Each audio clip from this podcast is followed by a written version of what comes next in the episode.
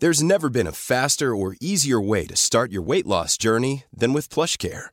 PlushCare accepts most insurance plans and gives you online access to board-certified physicians who can prescribe FDA-approved weight loss medications like Wigovi and Zepbound for those who qualify.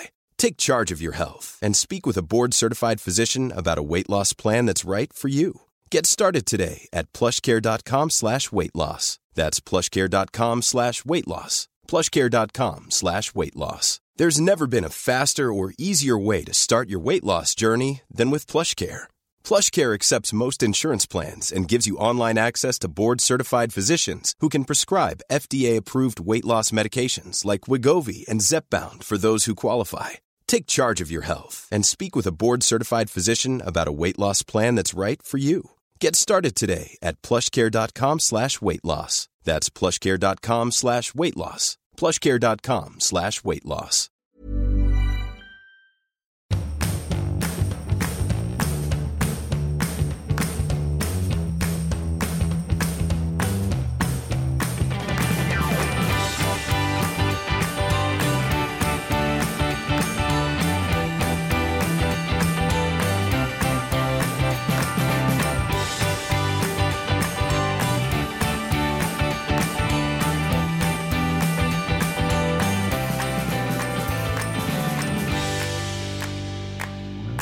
Vi har fått väldigt, väldigt, väldigt, väldigt mycket reaktioner på vår dubbelpodd.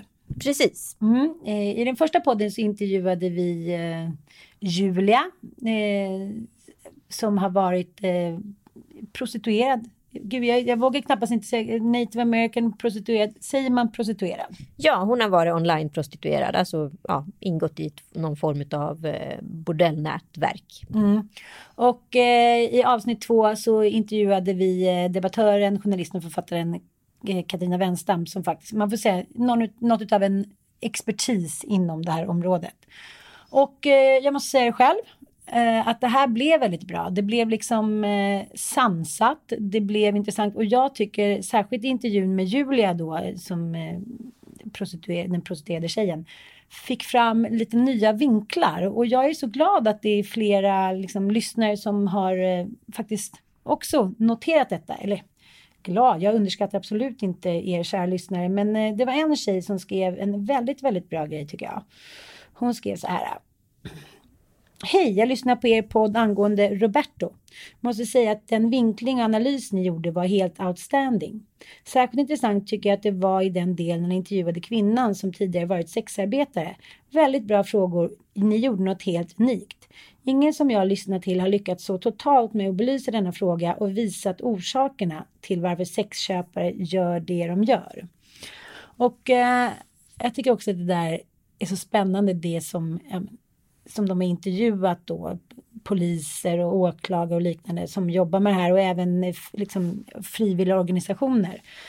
Att även fast man har träffat tusen torskar och liksom kommit på dem, eller man ska säga, så är det aldrig, det är ingen som någonsin har varit med om att en enda jävla snubbe har sagt så här, jag är så ledsen, jag vet inte vad jag tänkte på. Gud, hur är det med tjejen? Hur mår hon? Hur kunde jag göra det här mot henne? Det här är helt sjukt att jag gjorde det här mot henne. Istället är det så här, oj den var aldrig inne, oj stackars mig, jag som mår så dåligt och min fru vill inte ligga med mig och jag har så jobbig barndom hit och dit. Att det aldrig är någon som liksom det blir så tydligt också att den här kvinnan är ju verkligen bara en vara. Och det är då jag känner så här, även om det har kommit såklart massa debattörer som säger så här, det här är frivilligt och vi kan inte förbjuda och det leder bara till att vi, det hamnar i underjorden och de blir ännu mer utsatta. Så säger jag så här, när jag hör det där, att man ser på en människa som bara en vara, inte något kött och blod, inte ens en lägre varelse, utan bara en vara som man kan göra vad man vill med. Ja, men då måste det förbjudas och utrotas liksom. Ja, alltså det här är en jättekomplex fråga och vi förstår att det här kommer bölja precis som eh, metoo har gjort också. Så att vi kommer säkert återkomma till det här ämnet om några poddar och vi har fått väldigt många hurra, men jag har också fått en del hat och kritik. Eh, Inte Eh, jag. Vad är det för något? Vad har du fått? Nej men ganska många arga män har jag fått för jag har också valt att ta diskussionen med dem och föra någon form av sansad dialog istället för att eh, gå och säga att de är helt sjuka i huvudet. Vilket jag personligen kanske tycker. Men eh, å, andra sidan vet jag ju att jag kommer inte vinna någonting på det om jag inte tar diskussionen. Eh, å andra sidan så tror jag att alla snubbar där ute inte är helt dumma i huvudet för min mans statistik på Instagram har gått upp med ungefär 5% i följarskala. Så att eh, det finns vettiga män där ute och de är man otroligt tacksam för. Och jag skulle gärna vilja höra fler killar i ämnet. Det här är inget metoo-landskap där ni riskerar att bli stenade bara ni öppnar käften om minsta lilla. Utan snarare höra hur ni resonerar hade varit intressant. Alexander Karim har ju tyckt till. Nej, men det är väl självklart att Alexander Karim har gjort. Det finns någonting han inte tycker till om som har med... Det är underbart. Det är fantastiskt. Alltyckaren. Alltyckaren. Ja men okej Ann, ska vi höra på dagens Karim? Vi måste sluta sticka Paolo Bertos offerkofta.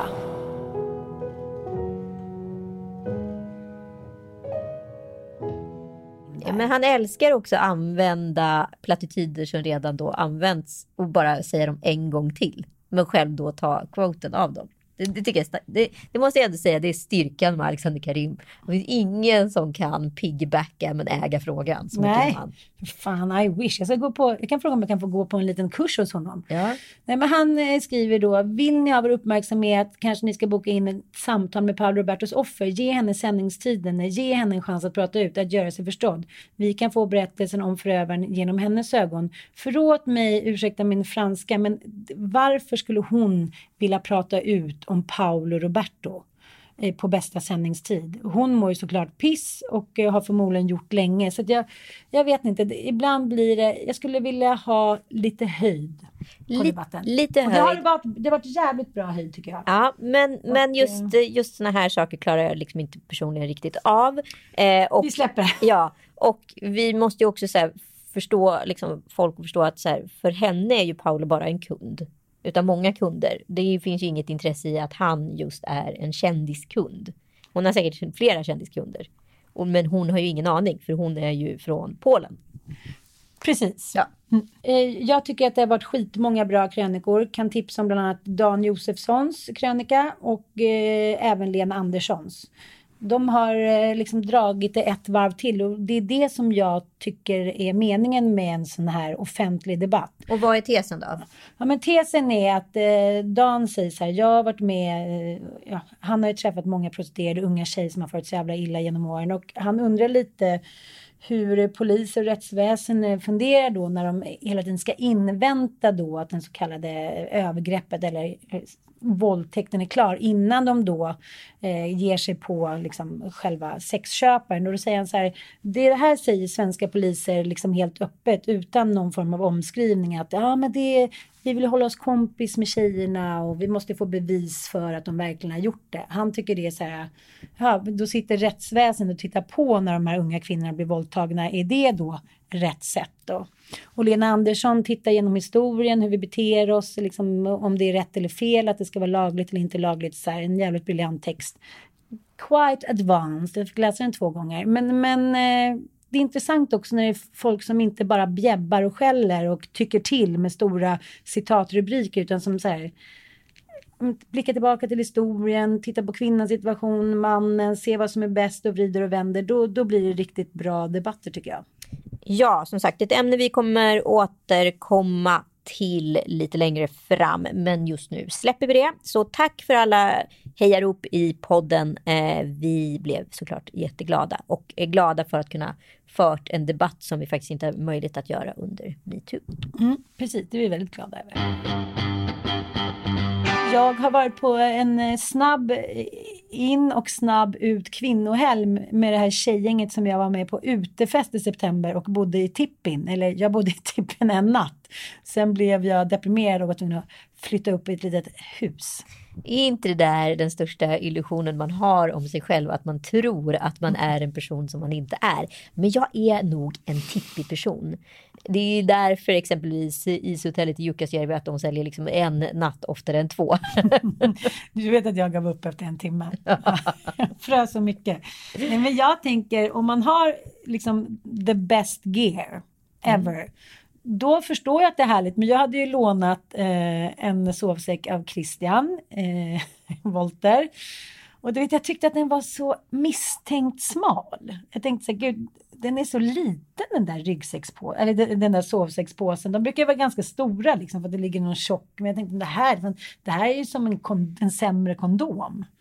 Och det visade sig att det var så, så det höll på att frysa ihjäl. Men samtidigt ska jag känna så här, ja, tält i all ära. Jag, vet liksom, jag ska ju testa och, och eh, vad säger, glamping. Det kanske är min grej. Vad är glamping för någonting? Ja, Glamourcamping? Ja, det är när man så här, får ligga i hästens sängar. Fast i ett tält. men, det, men det där är ju jag. Där är ju jag. Ja. Jag vågar ju erkänna det. Så här, vi ska ju upp och vandra nu någonstans om det blir i, i, ett, i en schlosspark i, i Tyskland eller om det blir på Kebnekaise i snålblåst. Det vet vi inte riktigt än. Det får Europas flygregler avgöra. Men någonting som är väldigt intressant var att jag hamnade också i en diskussion om just det här med prepping i helgen. Har du koll på det här?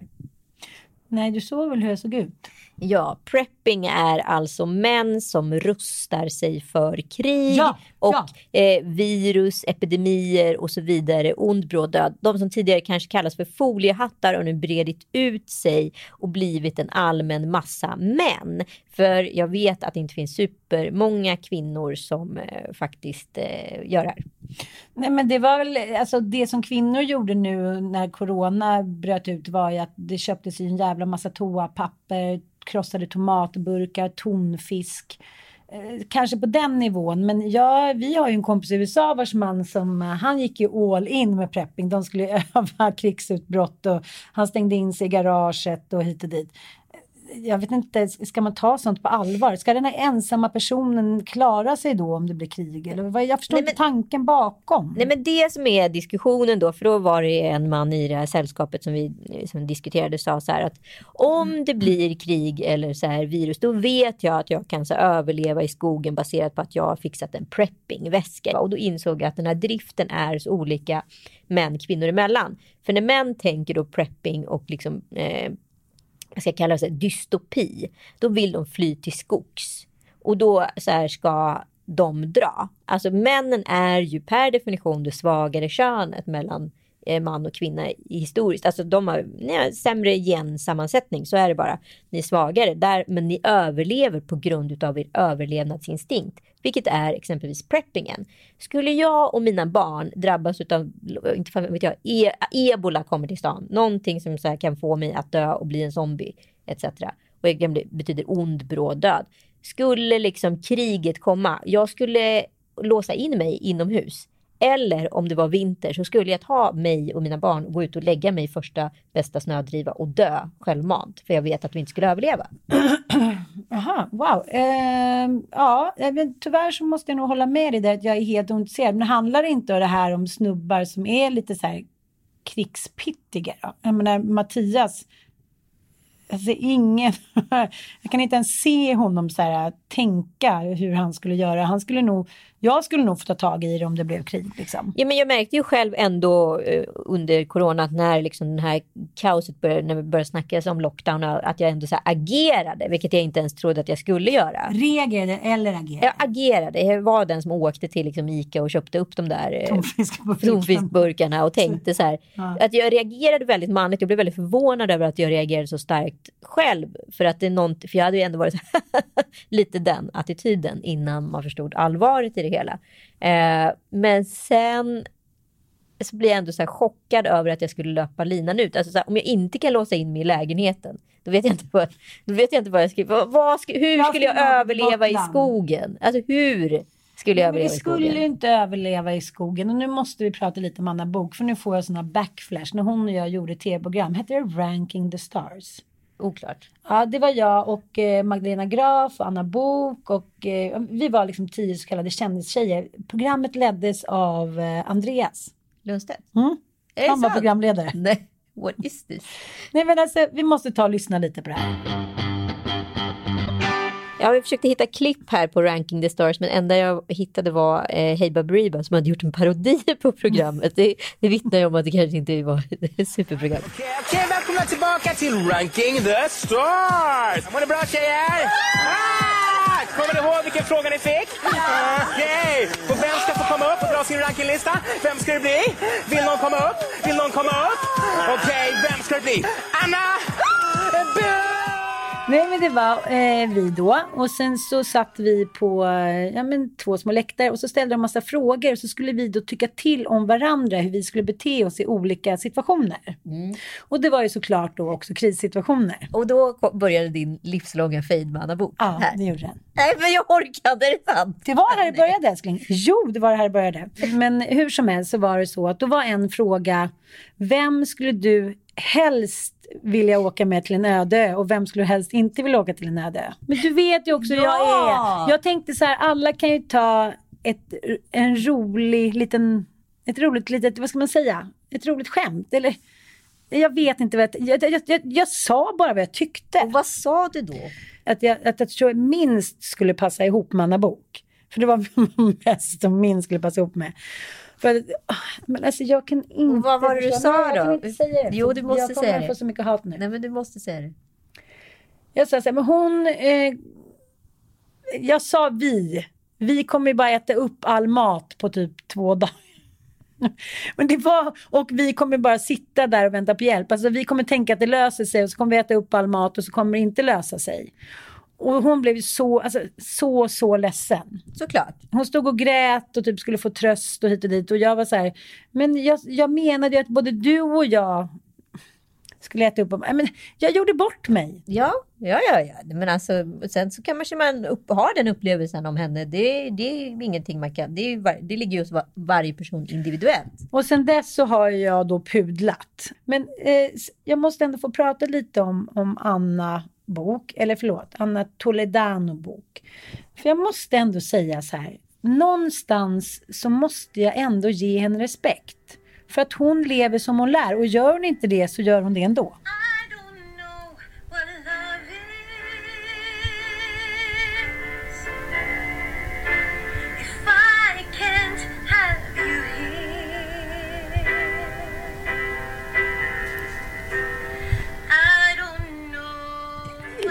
Som jag tycker är gulligt med henne är att hon är sårbar. Hon är skitnervös, hon säger att det är många av er som vill att jag ska sjunga lite. Hon säger att hon är blyg och hon har provat att spela in en sång och den här sången jag ska... Hon är liksom som när man var själv när man var 12 år och spelade in sin första sång. Och jag kan tycka att det fan är gulligt. Men det är otroligt självutlämnande. Jag har ju hållit på att jobba med den här castingen för eh, programmet Röda linjen nu i helgen som kommer vara en dramaserie som vi sänder på Kids Brandstore. Och då är det ju jättestarkt när ungdomar liksom laddar upp videor på sig själva där de faktiskt provspelar en roll. Och också vågar då utelämna sig själv på ett väldigt liksom, vad ska man säga, naket sätt. Det är ju starkt liksom. Alltså, jag, jag tycker så här med Anna Bok jag tänker på det här att folk, man ska vara så jävla liksom rak hela tiden. Man ska veta vad man vill, man ska följa sin, sina mål, man får aldrig säga någonting fel, bla bla bla. Många kändisar som är jävligt populära är ju inte särskilt mänskliga för de har ju lagt upp en strategi där de inte ska fela. Ja, men vi har ju några superexempel. Ja, det har vi ju. Eh, ja, men bland annat Carina Berg. Ja, absolut. Ja, och jag älskar ju henne och tycker hon är skitskön. Men hon är ju liksom så jävla smart och slipad. Och det finns ju flera sådana, som Christian Luuk, de har varit ihop, de kanske har gått så tillsammans. Men, men eh, många liksom så kallade finkändisar. Är extremt untouchable. Precis. Ja, men vi kan ju ta även liksom Schyffert. Och då kan jag också tycka så här, när Nor ibland trampar i känsloklaveret så tänker jag så här, you go girl. Och sen tar hon bort det. Mm. Och det blir lite så här, om vi ska ha förebilder som vi älskar, då måste de få vara mänskliga. Så jag, jag, jag tycker så här, när Anna Bok sjunger den här sången, hon vet att hon kommer få, eller hon, hon vet inte innan, det är det jag älskar. hon lägger liksom inte upp någon superplan som många andra kändisar säger att så här, om jag gör det så vet jag att jag kommer få många likes, om jag är med i det programmet kommer hit en... Hon har ingen aning om hon ska, hon fick ju 465 kom kommentarer. Hon vet inte om 460 ska vara så här, för fan vad patetiskt, vad, du kan inte ens sjunga bla bla. Eller om hon ska få 465, för fan vad underbart och fint. Hon har ingen aning, hon gamblar. Ja! Hon bjuder på sig själv. Hon är Absolut. fan modigare än någon annan. Förlåt Anna Bok för det jag sa, jag älskar dig nu. Ja, det är mer än vad jag gör. Men Mm. eh, hur som helst så tycker jag ändå att hon, hon, eh, har, hon besitter en viss form utav mod. Eh, och det tycker jag eh, är hedervärt. Alla är jävligt slick och väldigt strategiska idag och sådana saker. Och det ska vara, det ska vara mediaplaneras hitan och ditan hela tiden. Så man får ändå gla, vara glad för att det fortfarande finns liksom en gammelkändis som bara sänder eh, på det sättet. Eh, kändisskapet är ju ett gift i sig. Det har ju du och jag pratat jättemycket om. Liksom att du blir fartblind och förstår inte syftet med vad man gör. Och man är hela tiden van med att det finns projekt och saker och ting som bara uppstår ur intet. Och, och det finns ett intresse runt den. Och det här intresset är ju väldigt spännande. Och jag undrar ju varför egentligen en person som Anna Bok är känd idag. För hon har inte släppt en låt på liksom, närmaste tio åren utan däremot valsat runt i diverse kändisprogram som just begreppet kändis och den typen av kändis som hon symboliserar är ju egentligen död idag. Men eh, då kan det ändå finnas någonting spännande i det. Det har uppstått en ny blomma i en död rabatt. Förstår du? Ja, jag fattar, men jag tycker så här, ska man ställa upp och vara med i kändisprogram, då får man gå hela vägen. När jag har varit med i såna så kallade kändisprogram, kändisjungeriet, då har jag liksom hållit en låg profil för att se hur det är mottaget. Alltså att du har ju varit Karina Berg i, i, en, i en kändisstrategi. Precis. Ja, fast du har varit 100% exponerande i en Anna Bok-strategi. Ja. Vilket blir bara ett ingenting. Nej, det blir ingenting och det blir också så här fegt, dålig stil och jag tänker lite på eh, nu som den här den stora hälsoresan 16 weeks of hell. Som då var, var de sex kändisar. Ja. Mm. Martina Haag hoppade av för att hon inte ville väga sig. Det kan finnas ett syfte med det. Men, men det är lite samma sak där. Då har ju hon tackat ja till det här och läst igenom reglementet och där står att de ska väga sig varje vecka. Mm. Det, är det jag menar lite så här. Hoppar man på tåget så måste man också åka med och det kan jag också själv tycka är svårt ibland. Men, och jag tycker att hon hade verkligen en poäng i det. Att hon säger så, jag vill inte vara med och exponera. Jag har många unga följare hit och dit och de vill inte eh, att jag ska Har hon verkligen det? Eller är det bara Viktor Frisk? I don't know. Ja. Jag blev också lite frågande. Men, Mm. men ja, som hon var förebild för. Men då tänker jag så här, då får man tacka nej till projektet och pengarna och göttigheten med kändisskapet och träningen hit och dit. Eh, men någon som har gått all in, det är ju faktiskt eh, Måns Möller. Så det finns alltså vissa likheter då mellan Anna Bok och Måns Möller i det här, vilket är intressant. Ja, men han, han, är, han säger som det är. Jag har ingenting att göra nu. Jag har inte ett jävla jobb. Jag måste hitta någon form av fokus och struktur i vardagen. 16 weeks of hell blev min, vad ska man säga, det, det- blev min livlina. Och det är väl det som händer också med många kändisar som eh, kanske spelar med hela vägen, att det går lite för långt. Ja. som Måns Möller, han, alltså, den var ju typ, jag, jag blev faktiskt jättebeklämd när jag såg den här bilden på honom som han lagt ut. Dels är han ju så 35 år äldre ut och dels känner jag så här, varför är det ingen i produktionen som har stoppat det här? Alltså han ser inte ut att må bra. Och särskilt inte när han själv berättar då att han mår lite dåligt just nu, alltså mellan raderna, att han inte liksom har något jobb och inte vet var han står i livet, han måste ha någonting. Och då liksom lägger han upp en bild Ja, men alltså nu gör han det ser ut som han gör sig till lite, håller Ja, han drar nog in magen lite och sådär ja. Men jag tycker inte att, han, att det här är en, en människa som ser ut att må bra. Nej, det gör det ju verkligen inte. Och det är ju helt klart svårt för stå upp scenens eh, liksom, aktörer just nu. För att det har funnits eh, regelverk helt enkelt som gör att de inte kan inbringa skratt inför en videokonferens. Den är svår liksom. Eh, men Fredrik Paulun, den lite ibland överviktiga hälsogurun, har skrivit du måste börja äta, annars blir det a billion years of death. Men, men då tänker jag så här, jag kanske inte kan så himla mycket om hälsa och sånt där som du kan, men om det här då, om det här är då följderna av att man ska må bra i det här programmet, liksom hälsoresan, då känns det inte som att det var en jättebra produktion.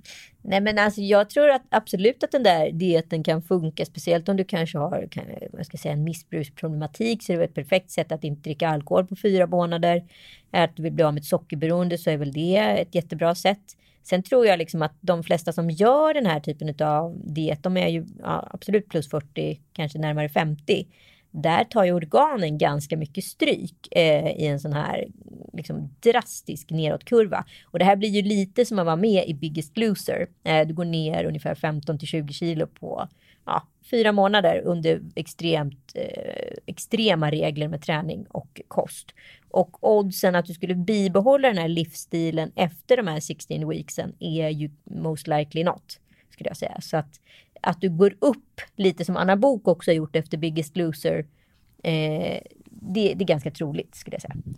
Men jag tänker lite också så här, Agneta Sjödin, den castingen, så här, hon har väl alltid varit så här superhälsosam, lever på nötter och ånga, dricker inte särskilt mycket, ser alltid bra ut i kroppen. Jag, jag förstår inte riktigt castingen i det här programmet. Nej, och jag tror också att man kanske har valt den typen av cast som exempelvis både hon och Martin Melin som båda är väldigt så här fitta personer och kanske har liksom lite extra kilon hit och dit. Men när du då tar bort de extra kilona får du extremt bra resultat fort. Jävligt fort. Ja, och det är väl likadant egentligen med Martina Haag också, som också i grunden är någon form av träningsprofil. Eh, tillsammans, ja, tillsammans såklart eh, som hon är författare. Men, men eh, Måns Möller har ju aldrig stått för att vara liksom hälsan själv kanske. Och då ser ju också, då blir ju också den drastiska förändringen enorm. Han har inte byggt så mycket fysik som man kanske tycker att Martin Melin har gjort. Alltså de är ju väldigt deffade och tränade. Då var det dags för eh, ett litet fint inslag med vår samarbetspartner. Nämligen högt älskade Biltema. man, man kanske också ska bara tillägga att finns det någon stad i Sverige som typ inte har en biltema? Nej, jag tror att de nog har prickat in nästan alla städer. Där jag firade jul till exempel. Eh, I Vetlanda, där fanns det ju. Jag var på Värmdö i helgen. Där fanns det. Ja, men de har ju liksom över 50 varuhus. Så att, eh, ja, Biltema finns överallt. Och nu har ju de en speciell kampanj som vi tänkte hjälpa till att boosta. Det är nämligen så att man kan köpa varor online på det, i deras e-shop men hämta ut i deras butiker inom två timmar. Och det här hjälpte ju mig då väldigt mycket för några helger sedan när Bobo fyllde år. Han har ju haft en cykel, eh, jag skäms för att säga det, men han har alltså haft en cykel som kanske är för en två-treåring med ett stödhjul på i några år. Det har varit lite svårt för honom att cykla på den, men det har varit väldigt svårt att få av det där andra stödhjulet. Så nu tänkte jag så här, shit, jag måste köpa en cykel till honom. Så jag hinner inte åka och handla, jag hinner inte montera ihop den, gud vad ska jag göra? Och då såg jag den här kampanjen så då beställde jag mig en liten barncykel oväxlad 20 tum i silver och lite orangea och röda och fräsiga detaljer. Och sen åkte jag dit dagen efter och då var den ihopmonterad. Precis, för cyklar tar, kan man få både monterade eller omonterade. Men får man den monterad så tar det lite längre tid än två timmar. Mm. Och det här var så himla bra då, både för min relation med Mattias, eh, för då behövde inte jag bli irriterad på honom för att han inte hade lyckats få ihop den. Och det så tänker jag så här, de har ju allt där. Allt som jag är intresserad av inför sommaren och även inför vintern. De har allt till bilen, de har allt till barnen, eh, de har allt inför sommarsemestern, de har allt inför vandringen. De har, men de har faktiskt nästan allting på Biltema. Jag älskar att gå där och skrota också. Jag kan gå där i timmar. Ja, alltså deras hemmaliv utomhus, det är verkligen de produkterna som jag har fastnat för. Så gör precis som oss, gå in på Biltema och kolla in deras köp och hämta. Precis, och här ser jag nu också att här kan jag också köpa stödhjul, kabellås, småbarnshjälm, ramlås, universal. Gå in och kolla bara. Gud, jag hinner inte prata med dig mer nu, jag hinner inte podda. Tack Biltema för det här. Hur som helst, tillbaka till den här mannen som vill preppa. om det är någonting som man kanske kunde må bra av, för nu har ju faktiskt Robinson avslutats i helgen och där har ju folk ungefär gått ner lika mycket som i 16 weeks of hell. Eh, runt 15 kilo i snitt per deltagare. Eh, det är ju inte bara fysiken som påverkas av en eh, drastisk viktminskning. Jag har jobbat i produktionen på Robinson. Det som är också ingår i Måns Möllers liksom viktras och kanske Anna Bok, det är mycket ångest. Och det är ju han 100% öppen med. Att vara med i ex- exempelvis Expedition Robinson, du sover dåligt, du mår dåligt, du kanske utsätter dig för någonting som du inte är van vid. Alltså den psykiska stressen. Under min separation från Kalle, eller skilsmässa, de första fem veckorna gick jag ner sju kilo. Alltså de sju kilona kommer jag aldrig kunna gå ner igen. Om det inte sker. stress. Det är den inre stressen. Ja. Och den inre stressen är det också en inre stress som genereras hos preppingmannen som då oroar sig för framtiden genom att säkra upp ett eventuellt liv i vildmarken. Jo, Är det det som är drivet? Jo, men jag tänker att det är ett sätt för många män att de använder det lite som att kvinnor kan hårda eller shoppa eller så, så är männen så himla oroliga för att de inte ska kunna ta hand om sin familj. Men någonstans så vet vi alla att om, liksom, om kriget eller eh, atomen eller ryssen, vem fan som än kommer, så kommer vi inte klara oss med våra konservburkar och vår lilla liksom, eh, machetas ute i liksom, de svenska vildmarken. Det är ju väldigt få som gör det. kanske är 40, 100 pers i det här landet som skulle klara sig mer än typ fyra veckor i vildmarken. Eller? Ja, kanske 10 000 människor, men, men liksom väldigt liten del av populationen skulle ju faktiskt de facto överleva. Och jag också undrar, vad är drivet till överlevnad när du säger ett, dina barn dör, din eh, respektive dör, du ska överleva på fjället. Vad finns det för kompass där uppe som får dig att vilja fortsätta överleva? För om alla mina polare, mina barn, min sambo, alla hade dött. Vad är då mitt syfte till att överleva? Och här verkar driven vara extremt olika. Precis som kvinnor i 16 weeks of hell och män i 16 weeks of hell. Martina Haag var glad för att hon fick en liten hälsoresa och eh, kept herself busy i jag 16 fattar. veckor. Och fick också lite uppmärksamhet, precis som det galna kändisskapet också gärna inbringar. Eh, Måns Möllers driv i det här var att ha en kompass, för han hade ingen. Eh, Martin Melin var att så här, öka på sin befintliga träning. Alltså här ser vi att driven är extremt olika och jag skulle säga att så här, prepping-personligheten kvinna-man tydliggörs lika mycket i det här som i 16 weeks of hell. Jo, men jag tycker det är ganska intressant när jag var med i Kändisdjungeln då. Gud, jag älskar att du har gjort allt det här. Jag vet. Halvhjärtade kändisförsöken. Med, med, jag är en kändis med strategi, fast i, i 100% utsålda program. Ja, men jag gjorde ju det då för att komma ifrån min livssituation då. Ja, såklart. Precis. Och det blev ju superangenämt för att jag och Jannike Björling, hon hade, fick ju, hon hade ju, vi fick ju inte röka, vi fick inte göra någonting förutom det. Men hon eh, vägrade ju att vara med om inte hon fick ta sina ciggisar ut.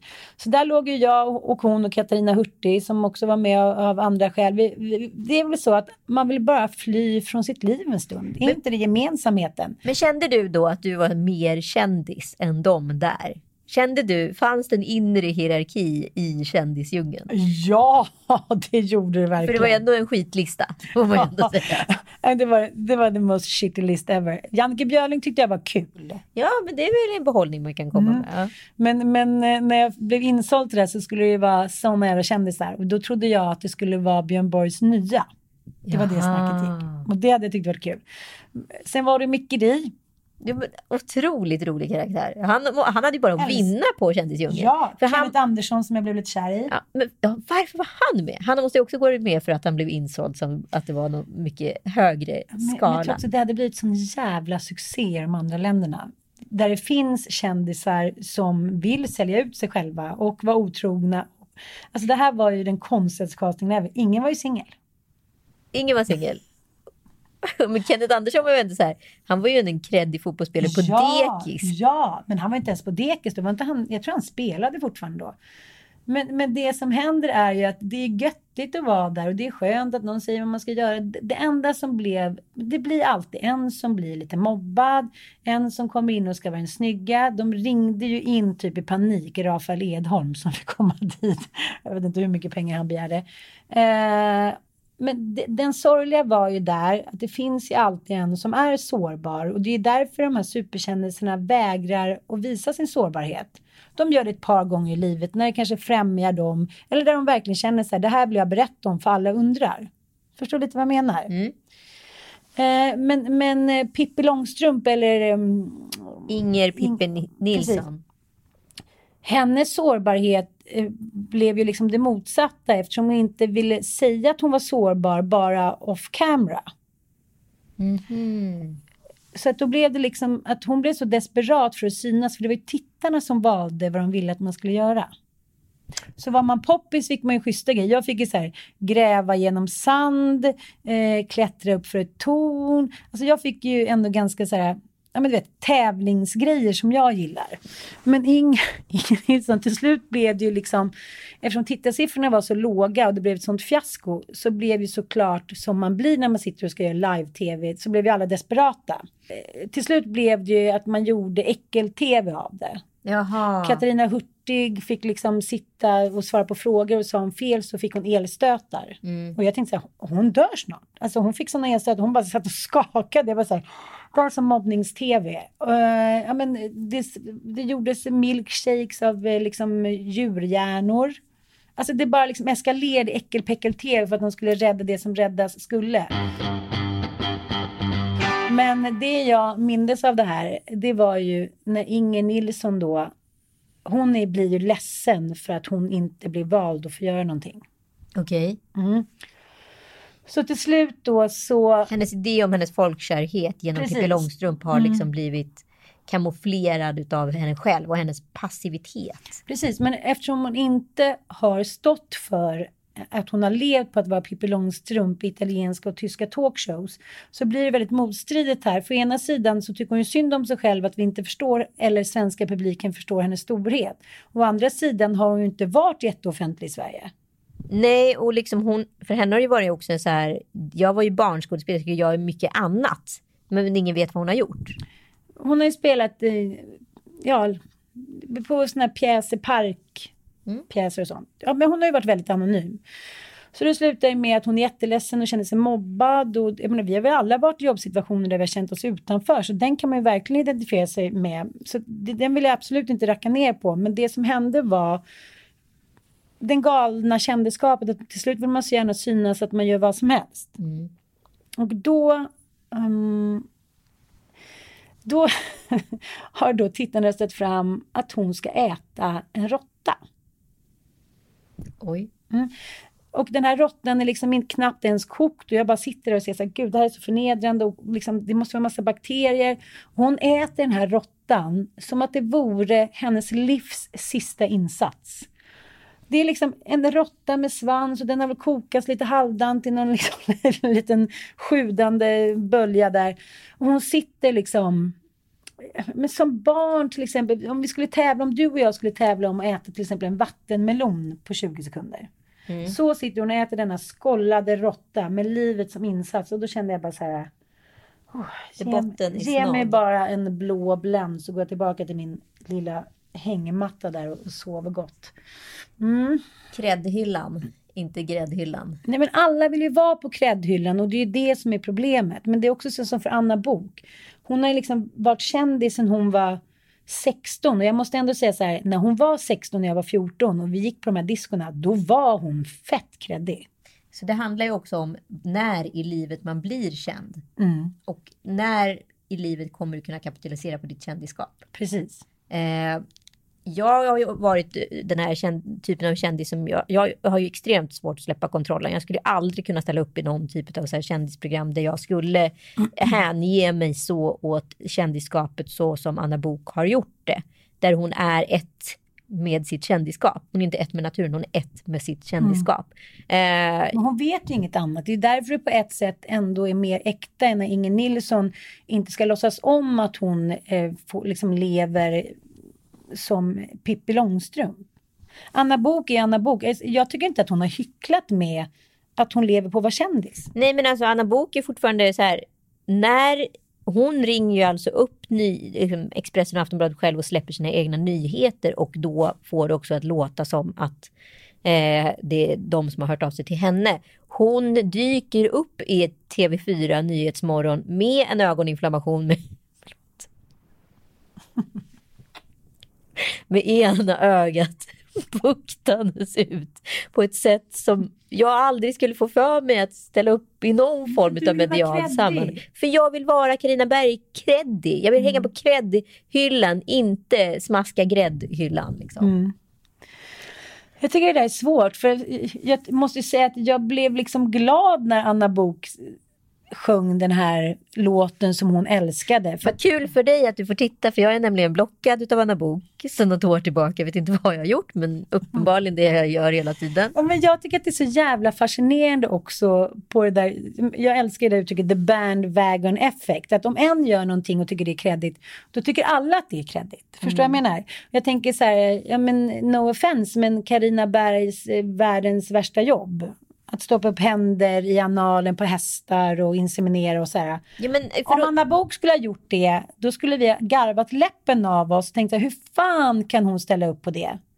Om Karina Berg eller liksom någon liknande Nor eller Schyffert eller någon annan hade suttit och käkat råtta i kändisdjungeln, då hade vi tyckt att för fan, det är cojones, det är cojones liksom. Men för grejen är ju att det, det Carina Berg gör med sin sambo nu, ett superexponerande program egentligen om deras, eh, åh, deras renovering som inte alls är fejkad eller 100% söndersåld, eh, är ju jätte, egentligen jättepinsamt. Alla Carina Bergs reaktioner är så planerade. Åh nej! Åh nej, ska inte det här gå? Jag som inte kan någonting. Hon känns som den mest kontrollerade människan på jorden. Jag tror inte på att Carina Berg inte kan, vet hur en eh, liksom, vattenpump funkar eller hur det går, går till när man spolar av ett tak eller byter takband. För jag vet att hon är så pass sammansatt som person så därför blir hon otrovärdig. Så för mig är ju hon pinsam när hon låtsas vara fake. För hen- hennes program hade ju tjänat på att låta Karina Berg vara det kontrollfreaket hon är och också kunnat profitera på kontrollförlusten ifall hon misslyckas. Men nu har man då ändå lyckats få henne att bli kontrollerande utav sina känslor, uttryck och utbrott. Så allting är 100% Carina Bergifierat. Jag har inte sett ett enda avsnitt. Eh, Så jag ska inte uttala mig så himla mycket. Men, men eh, det är väl också att är man uppe på kräddhyllan så har man respekt med sig och då är man viktig och då, eh, då kan man bjuda på det där. Utan att på något sätt trilla ner ett hål. Men vem, säg en person som är på gräddhyllan som gör det jämfört med de som är på gräddhyllan och bara liksom är kändis för att vara kändis. Alltså en Glenn Hysén person. Eller Anna Bok person. Ja, men alla människor har ju ett pris. Ja men det, det skulle vara Jenny då och Niklas Strömstedt som är ett power couple. Som då ändå gör bort sig med stundom och ändå lyckas skaka av sig där. För att de har sån otroligt hög likability. Men det ingår ju också gammal trogen tjänst. Absolut, och säga vad man vill. Jag har ju alltid älskat Niklas Strömstedt, men han var ju... Han blev ju väldigt... Alltså det är en väldigt bra match de två har jag tänkt mycket på. Gud ja. För enskilt så gillar de båda två, men tillsammans så är det som att deras liksom minus och minus verkligen blir plus. Från att man är lite så här, jaha, oj, de där, vad är de där för typer av kändisar? Så blir de liksom gamla, goa, glada mysparet, men ändå med brains och looks. Och, eh, jag gillar verkligen båda de två. Jag har käkat middag med dem en gång och jag tycker verkligen att de är så jävla gulliga. Men några som faktiskt skulle kunna profitera på sitt personliga varumärke är ju både Carina Berg och Erik. Även fast han inte är en del av det där power couplet, det är ju bara hon som står för det. Men framförallt så kan ju Jenny och Niklas göra det. Ja, det är sant, det är sant. Eh, där är ändå också säkerheten, för deras varumärke är ju inte bara att de är ett power couple. De är ju powerpersoner. Så även om de skulle separera, vilket jag inte tror skulle hända, så skulle de vara starka varumärken. Ja, absolut, absolut. Och det hänger ju upp med gammal trogen, lång och trogen tjänst. Liksom. Ja, och att man också har gjort bra val, liksom till synes en bra val i karriären och vågat också kanske byta. När, när det inte har liksom tuffat på så har man ändå vågat byta. Och det måste man ändå ge Karina och många liksom utav de där. Att det är inte så här att de har stannat kvar i något tryggt bo. Utan de var så här, okej, då får jag gå vidare. Då fick jag erbjudande där. Så att de har ändå liksom vågat tänja sina gränder, Ja, men ab- gränser. absolut, men samtidigt kan jag säga så att det jag upplever om jag skulle jämföra så här Carina och Jenny så skulle jag säga så här att när hon så här börjar brännas under en stekpanna i Nyhetsmorgon för att hon råkar vidbrända popcorn och grejer. Alltså hennes ljuvliga kontrollförlust jämfört med Karinas otroligt kontrollerade kontrollförlust är ju Jennys tusen gånger mer äkta och likeable än vad Karinas är. Ja, det finns ju en rädsla för henne med kontrollförlusten på grund av någonting i hennes förflutna. Såklart. Ja, Ja, men därför är det så här, när Carina Berg lägger upp ett inlägg och det kan vara i princip superkontrollerat, jättestatiskt, får ändå 33 000 likes, så får ju, kan ju Jenny ändå lägga upp en ful selfie på morgonen och ändå få lika mycket likes. Och det betyder ju inte att någon Alltså båda de här kvinnorna har ju en otroligt hög likability. Det är bara att den ena signalerar, ja, jag står för att jag kan ha en kontrollförlust under tiden den andra gör. Jag är oerhört planerad i min, i min strategi. Så, vem vinner i slutändan? jag vet inte. Jag tänker på intervjun med Blondinbella, Isabella Löwengrip med Martin Wiklin i P1. Hans söndagsintervju som hon ställde upp på. Har du lyssnat på den? Ja. ja eh, hon är väldigt vältalig och fint och hon ställde ju upp då för att Kristina Lugn har ställt upp och hit och dit. Men sen så går det liksom eh, någon dag eller gick det bara några timmar. Sen har hon då på sin Insta, då firar hon eh, ja, men något nytt samarbete och sitter i vanlig ordning. Då känner jag lite så här okej, eh, vi fattar liksom hur, vem du var. Hon säger så här, jag hade inte en enda att prata om det här om och hit och dit. Man, man skapar ju också ett glashus när man blir så där känd och har byggt upp sig själv enligt liksom en, vad ska man säga, en strategi. Ja, och det är det jag menar så här. Går det Isabella att komma ifrån det? kanske inte går att komma ifrån Nej, det. men Isabella Löwengrip är ju i samma falang som Karina Berg i det här fallet. De, de, är, de är kvinnor med strategi. Mm. Det som Isabella Löwengrip har fått vara med om är ju en kontrollförlust. Någonting som hon själv inte har kunnat regissera skulle ske. För allting i övrigt har hon ju regisserat och det har gått ganska bra. Det ska vi inte sticka under stol med. Men här har det ju gått, eh, skett en kontrollförlust. Eh, och hon blir ju 100% unlikable i det här. Mm. Till skillnad mot Karina Berg som är liksom oomtvistat skitsmart. Jag pratar med de som jobbar med henne och jag har själv jobbat med henne. Hon levererar alltid. Hon är tv-geni. Hon är liksom gullig. Hon är så bra på att hålla sitt privata men ändå härlig när hon väl dyker upp. Bla bla bla. Man gillar henne också kanske för Gud, att hon aldrig har gjort bort sig.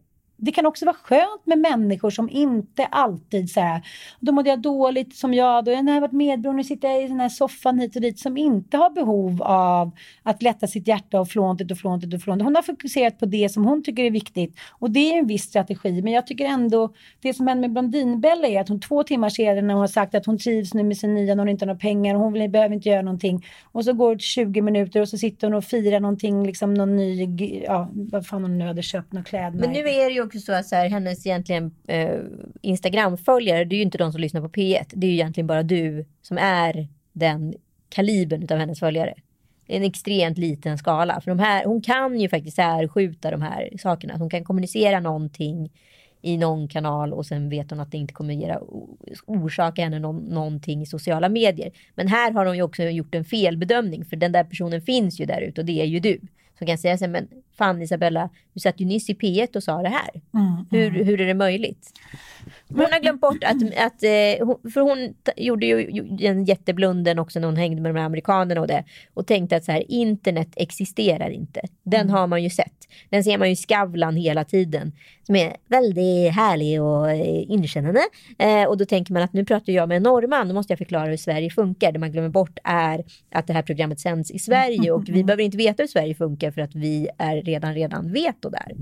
Men jag fattar hur du menar. Men det som händer också är att eh, Blondin Isabella säger att hon skulle till USA bli världens mäktigaste kvinna. Tillåt mig småle. Det är här, vad är det ens för en kommentar? Okej om Petter Stordalen säger det. Men grejen är att alla faller ju någon gång i sitt liv. Och nu för Petter Stordalen. Jag har köpt ving, jag har hit och dit, jag ska rädda världen. Två veckor senare så bara går hela...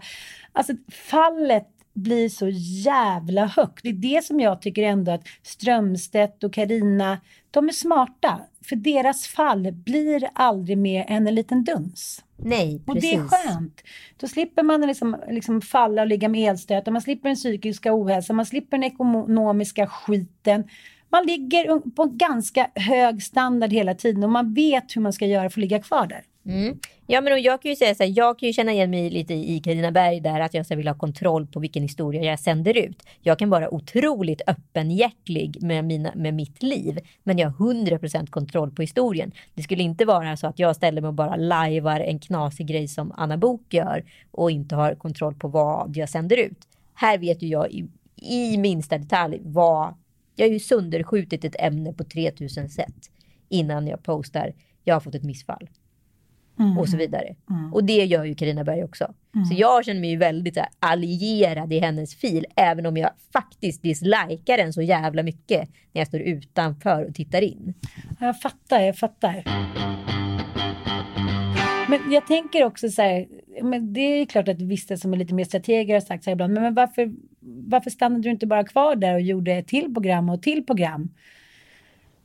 Och bara så här, cashade in, levde viktigt och hit och dit. Och jag har liksom inget riktigt bra svar på det. Jag tror bara att jag inte, absolut inte är smartare än någon annan. Eller någonting, utan det handlar bara om att jag tycker det blir tråkigt.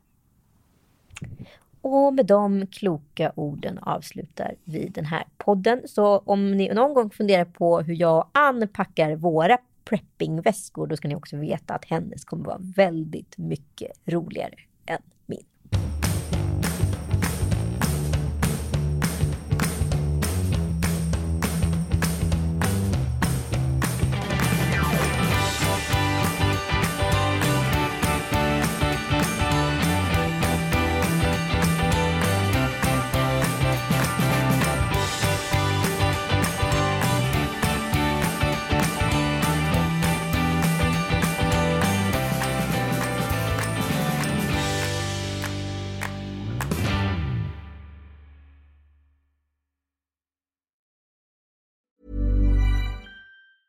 A lot can happen in the next three years. Like a chatbot may be your new best friend. But what won't change? Needing health insurance. United Healthcare Tri Term Medical Plans are available for these changing times. Underwritten by Golden Rule Insurance Company, they offer budget friendly, flexible coverage for people who are in between jobs or missed open enrollment. The plans last nearly three years in some states, with access to a nationwide network of doctors and hospitals. So, for whatever tomorrow brings, United Healthcare Tri Term Medical Plans may be for you. Learn more at uh1.com. Normally, being a little extra might be a bit much, but not when it comes to healthcare. That's why United Healthcare's Health Protector Guard fixed indemnity insurance plans, underwritten by Golden Rule Insurance Company, supplement your primary plan so you manage out of pocket costs. Learn more at uh1.com.